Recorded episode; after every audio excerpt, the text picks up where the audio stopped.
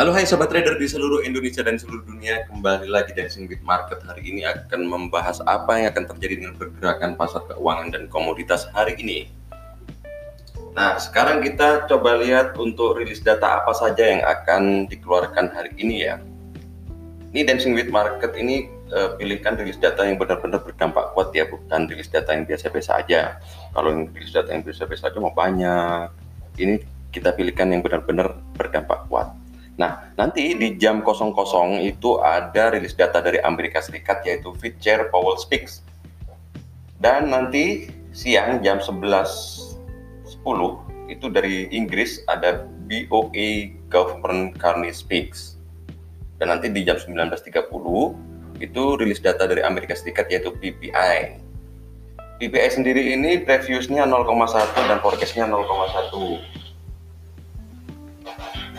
dan sekarang kita akan beralih ke analisa tentang emas dan komoditas oil dan juga forex. Untuk emas sendiri ini masih tingginya optimisme pertemuan Amerika Serikat dan Tiongkok mungkin dapat menjembatani negosiasi dagang lebih lanjut yang berpotensi untuk menekan harga emas menguji sapotnya di 1484 dolar per troy ounce. Sedangkan untuk potensi rentang perdagangan sesi Asia untuk per, untuk transaksi emas hari ini ada di area 1484 dolar per troy ounce hingga ke 1500 dolar per troy ounce. Dan sekarang untuk oil. Untuk oil sendiri ini ketegangan di ibu kota Irak yang makin memanas dan harapan pertemuan Amerika Serikat Tiongkok dapat mengurangi resiko resesi ekonomi global. Ini akan berpotensi untuk mengangkat harga minyak ini mencoba level resistennya di 53.30 dolar per barrel. Sedangkan untuk potensi rentang perdagangan di sesi Asia untuk transaksi minyak ini ada di level 52.20 dolar per troy ounce hingga 53.30 dolar per barrel. Eh tadi salah nyebutin troy ounce ya, eh, maaf. Uh, diulangi lagi untuk potensi rentang perdagangan sesi Asia untuk transaksi minyak ini ada di 52.20 dolar per barrel hingga ke 53.30 dolar per barrel. Dan ini sekarang kita akan beranjak ke analisa tentang forex. Yang pertama ini ada euro versus US dollar. Itu penguatan dolar Amerika Serikat, data ekonomi zona euro yang lemah dan kekhawatiran perang tarif dengan Amerika Serikat berpeluang untuk menekan euro ini turun menguji supportnya di 10940. Nah, untuk fokus pasar pada data neraca dagang Jerman nanti ya jam 13.00 waktu Indonesia Barat dan untuk potensi rentang perdagangan di sesi Asia ini ada di level 1.0940 hingga 1.1000. Oke, sekarang kita akan beralih ke pound sterling versus US dollar.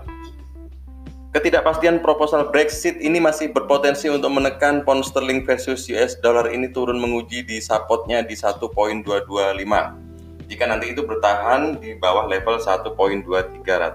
Tapi jika nanti uh, harga itu break high di atas 1.2300, maka dia akan uh, berbalik arah untuk menguji level resistennya di 1.2340.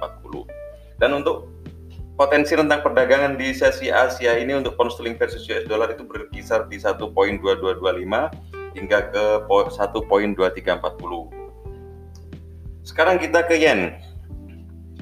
Untuk pasangan mata uang US dollar yen ini ada berita tentang acuhkan data ekonomi Jepang yang membaik pagi ini penguatan dolar berpotensi angkat US dollar yen naik menguji resisten di 107.65.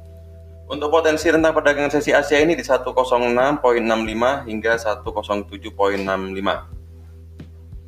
Dan kita kembali ke Aussie versus US dollar. Untuk penguatan dolar Amerika Serikat dan sikap hati-hati pasar menanggapi kemungkinan pertemuan Amerika Serikat dan Tiongkok, ini akan berpeluang tekan Aussie versus US dollar turun menguji supportnya di 0.6700 Sedangkan potensi rentang perdagangan sesi Asia ini di 0.6700 hingga ke 0.6760.